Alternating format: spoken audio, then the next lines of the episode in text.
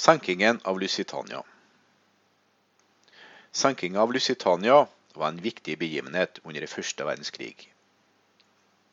Drapet på så mange uskyldige sivile, utført av tyskerne, økte den amerikanske støtten for å komme inn i krigen, som til slutt snudde tidevannet til fordel for de allierte. Lusitania var et britisk luksuscruiseskip. På et tidspunkt i 1907 hadde skipet tittelen som det største skipet i verden. Det dro for det meste over Atlanterhavet mellom Storbritannia og USA med passasjerer og last. Skipet var 787 fot langt og kunne ta 3048 passasjerer og mannskap. Første verdenskrig hadde starta i 1914. På vestfronten kjempa britene og franskmennene mot de fremrykkende tyskerne.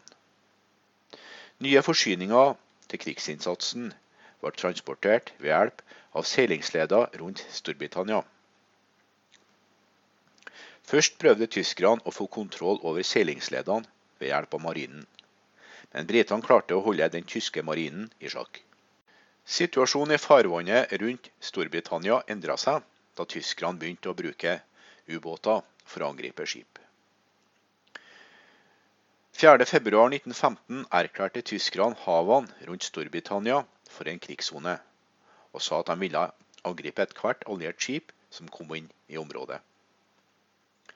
Til tross for den tyske advarselen dro Lusitania fra New York 1. mai 1915 på vei til Liverpool, England.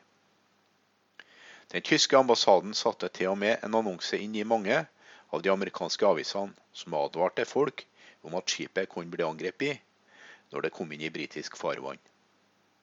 Det ser ut til at mange egentlig ikke trodde at tyskerne ville angripe et cruiseskip, fordi 1959 mennesker gikk om bord på skipet, inkludert 159 amerikanere. 7. mai 1915 nærma Lusitania seg kysten av Irland. Reisa var nesten over, men den hadde nådd sitt farligste punkt.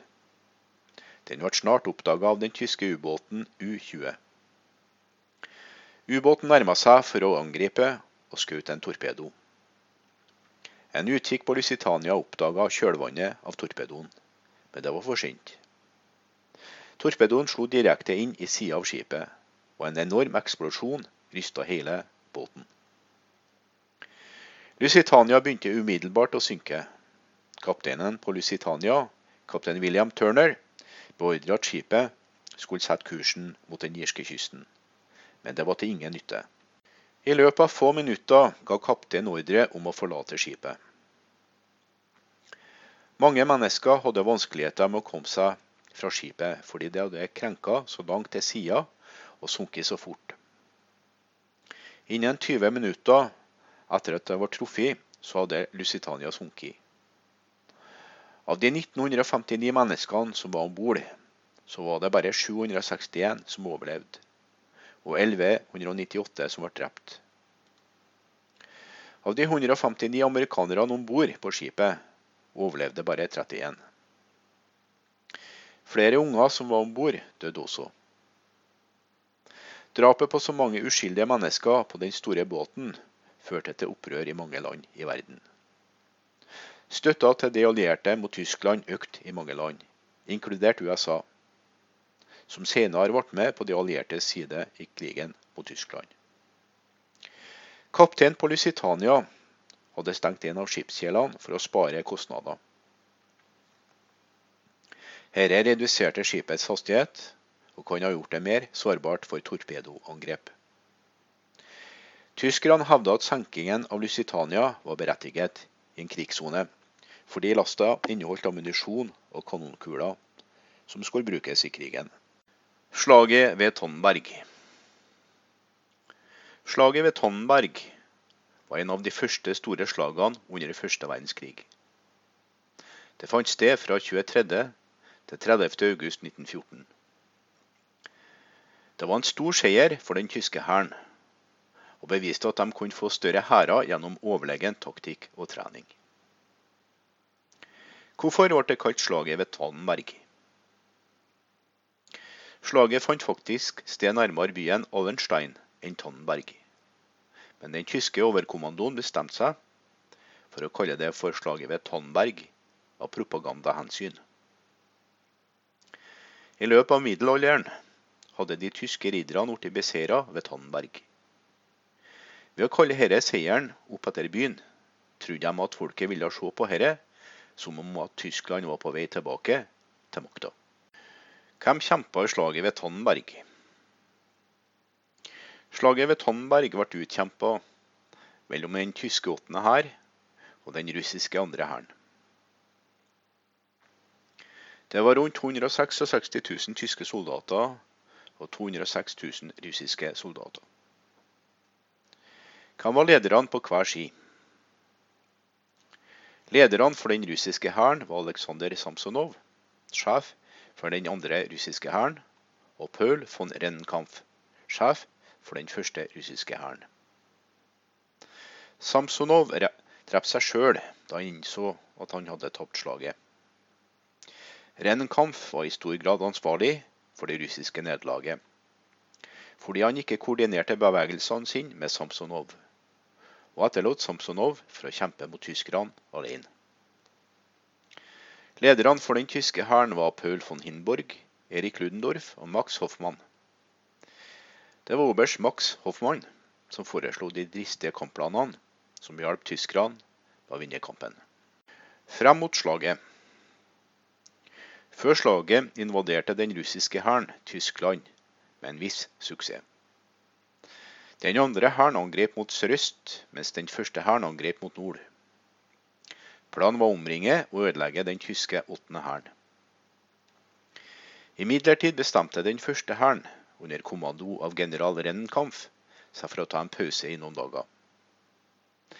Dette gjorde at den andre hæren ble svært utsatt. Kampene.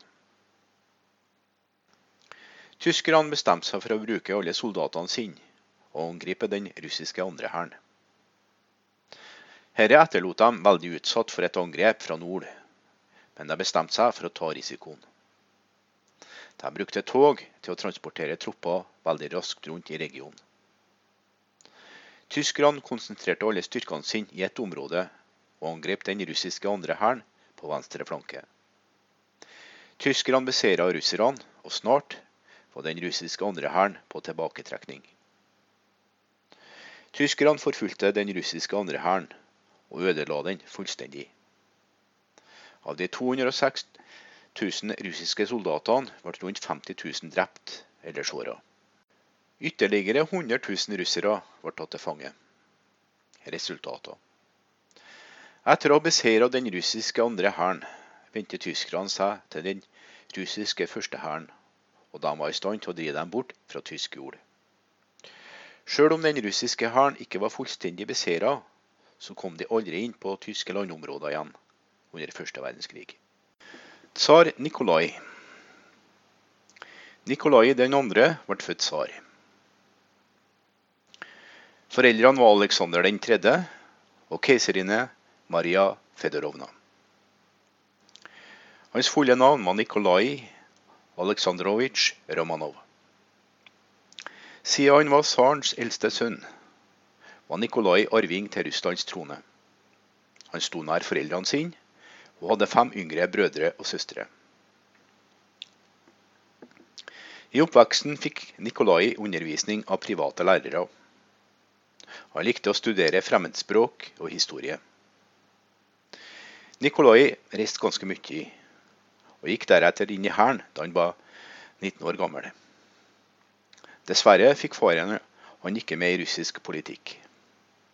Denne mangelen på erfaring ville bli et problem da faren hans døde ung og en uforberedt Nikolai var tsar for Russland. Tsar. I 1894 døde faren til Nikolai av en nyresykdom. Nikolai var nå den mektige tsaren i Russland. Siden tsaren trengte å gifte seg og produsere tronarvinger, gifta Nikolai seg raskt med dattera til en tysk erkehertug ved navn prinsesse Alexandra.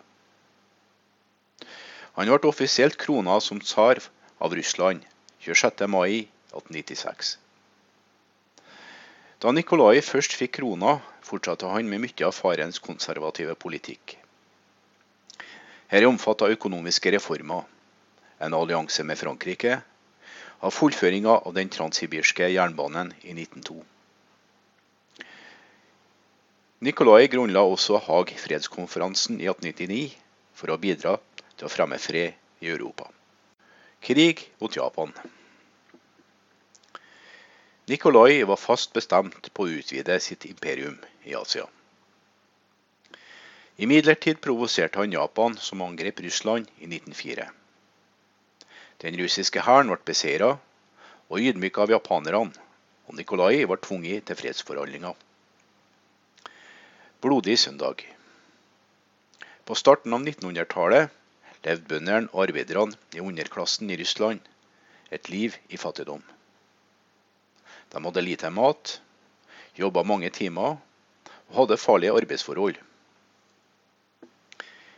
I 1905, under ledelse av en prest ved navn Georges Gapon, organiserte tusenvis av arbeidere en marsj mot tsarens palass. De mente at regjeringa tok feil, men at tsaren fortsatt var på deres side. De marsjerende gikk fredelig fremover. Det sto soldater fra hæren på vakt og de prøvde å blokkere en bro da demonstrantene nærma seg palasset.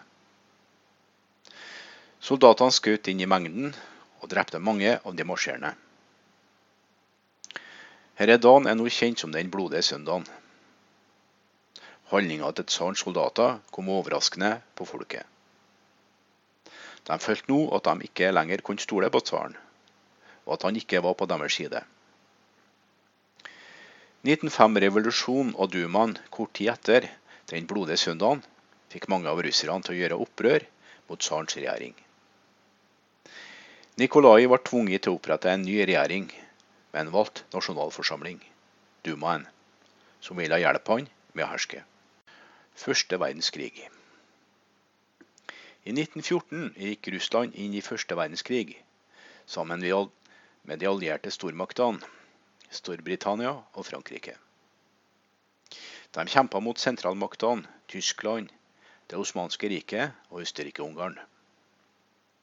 Millioner av bønder og arbeidere var tvunget til å bli med i hæren. De var tvunget til å kjempe sjøl om de hadde lite trening, ingen sko og lite mat. Noen fikk til og med beskjed om å kjempe uten våpen. Hæren ble grundig beseira av Tyskland i slaget ved Tannberg. Nikolai 2. overtok hærens kommando. Men ting ble bare verre. Millioner av bønder døde pga. inkompetansen til de russiske lederne. Russisk revolusjon. Først var det februarrevolusjon. Etter dette opprøret ble Nikolai tvunget til å gi opp tronen. Han var den siste av de russiske tsarene. Senere det året tok bolsjevikene under ledelse av Vladimir Lenin total kontroll i oktoberrevolusjonen. Død. Nikolai og hans familie, inkludert hans kone og unger, ble holdt til fange i Jekaterienburg, Russland. 17.07.1918 ble de alle henrettet av bolsjevikene. Det første slaget ved Marne. Det var to store slag som ble utkjempa ved Marne-elva nær Paris, Frankrike. Det første slaget ble utkjempa i 1914 mellom 5. og 12. september. Det andre slaget ved Marne ble utkjempa fire år senere, i 1918, mellom 5. juli og 6. august. Det første slaget ved Marne ble utkjempa mellom Tyskland og de allierte i Frankrike. Det var over 1 400 000 tyske soldater under ledelse av general Helmut von Molke. Franskmennene og britene hadde litt over 1 million soldater, inkludert seks franske hærer og en britisk hær. Franskmennene ble ledet av general Josef Joffre og britene av general John French. Første verdenskrig hadde starta omtrent en måned før slaget. I løpet av denne tida hadde Tyskland stadig vunnet terreng og vunnet flertallet av slagene. De hadde kommet seg gjennom Belgia og marsjerte nå gjennom Frankrike. Hastigheten på det tyske angrepet var en del av en krigsstrategi kalt Schlieffen-plan. Tyskland håpa på å erobre Frankrike og Vest-Europa før russerne kunne mobilisere hæren og angripe fra øst. På denne måten kunne Tyskland bare kjempe i krig på én front om gangen.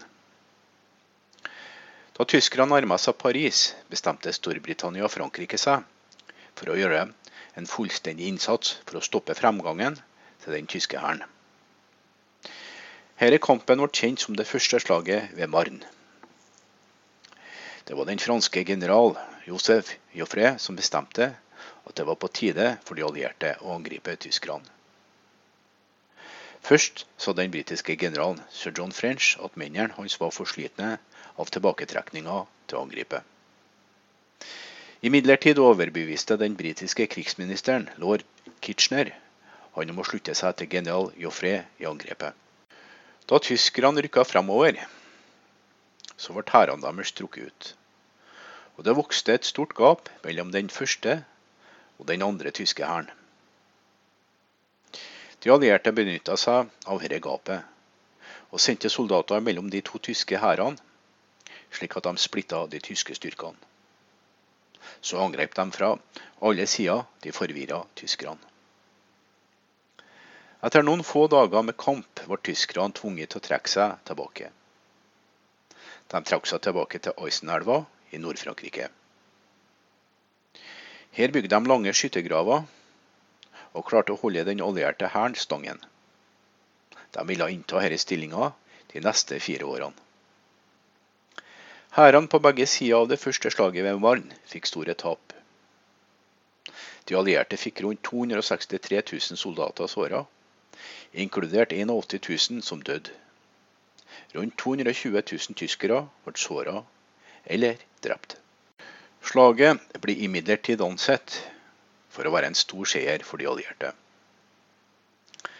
Ved å holde den tyske hæren borte, hadde de tvunget Tyskland til å utkjempe krigen på to fronter. Da russerne begynte å angripe fra øst, måtte tyske styrker omdirigeres mot øst mens de fremdeles prøvde å vinne over franskmennene og britene i vest. Franskmennene brukte drosjer fra Paris for å hjelpe å flytte tropper raskt rundt på slagmarka. Disse drosjene ble kjent som taxiene til Marne, og ble et symbol på Frankrikes vilje til å vinne krigen. Dette var den første store kampen der rekognoseringsfly ble brukt til å oppdage fiendens militære posisjoner. Her spilte en nøkkelrolle i å hjelpe de allierte med å posisjonere tropper og vinne kampen. De tyske styrkene var slitne da de nådde Paris. Noen av soldatene hadde marsjert over 20 mil. Mer enn to millioner soldater kjempa i kampen, med over en halv million såra eller drepte. Slaget ved Somme. Slaget om Somme var et av de største slagene som skjedde under første verdenskrig. Det fant sted nær elva Somme i Frankrike, og varte fra 1. til 18. november 1916.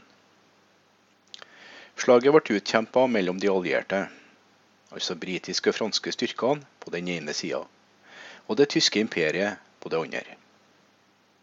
Mange av de britiske soldatene opplevde sine første kamper i slaget ved Somme. De var en del av en frivillig hær kalt Kitcheners Army fordi de ble rekruttert av lord Kitchener. Gruppa i hæren ble kalt Pals Battalions, fordi de frivillig ble plassert i bataljoner med sine venner og naboer. Britene ble ledet av øverstkommanderende sir Douglas Haig.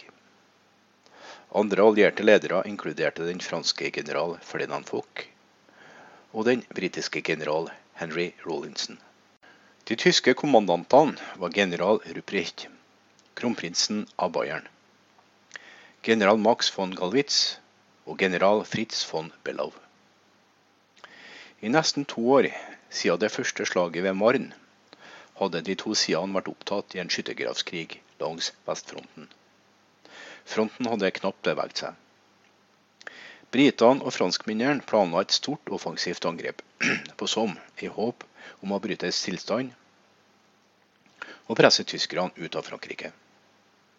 Planene deres ble imidlertid endra da tyskerne gikk til angrep, og angrep franskmennene i slaget ved Verdun. Franske tropper ble sendt til Verdun for å holde tyskerne stangen.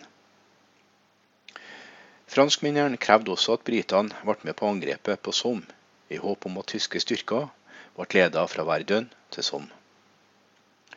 Før angrepet begynte de allierte med å bombardere de tyske linjene.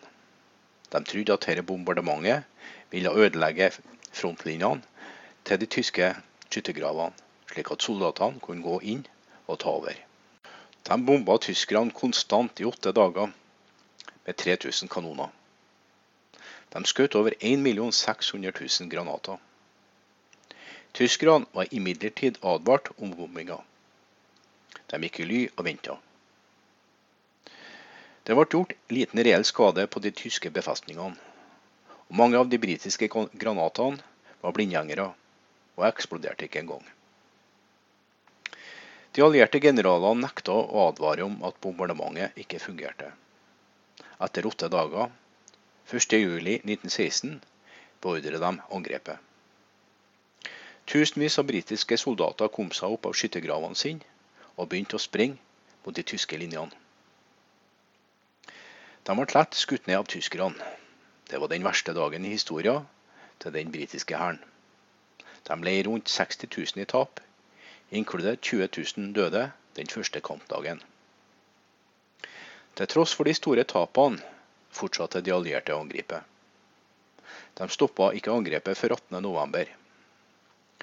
I løpet av denne tida erobra de rundt 10 km med territorium, men tapte rundt 623 000 mann, inkludert 423 000 britiske soldater og 200 000 franskmenn. Tyskerne hadde rundt 500 000 mann i tap. Med over 1 million tapte mann på hver ski var slaget ved Somme en av de blodigste slagene i menneskets historie. De allierte mista rundt 89 000 mann per kilometer erobra territorium. Angrepet endte i november hovedsakelig pga. at det hadde falt tungt snø i regionen. Historikere bestrider i dag slagets betydning. Noen sier at den britiske kommandanten Haig sløste bort mannfolk og ressurser i en feil strategi. Andre sier at han ikke hadde noe annet valg enn å gå videre med angrepet for å avlaste franskmennene i slaget ved Verdun.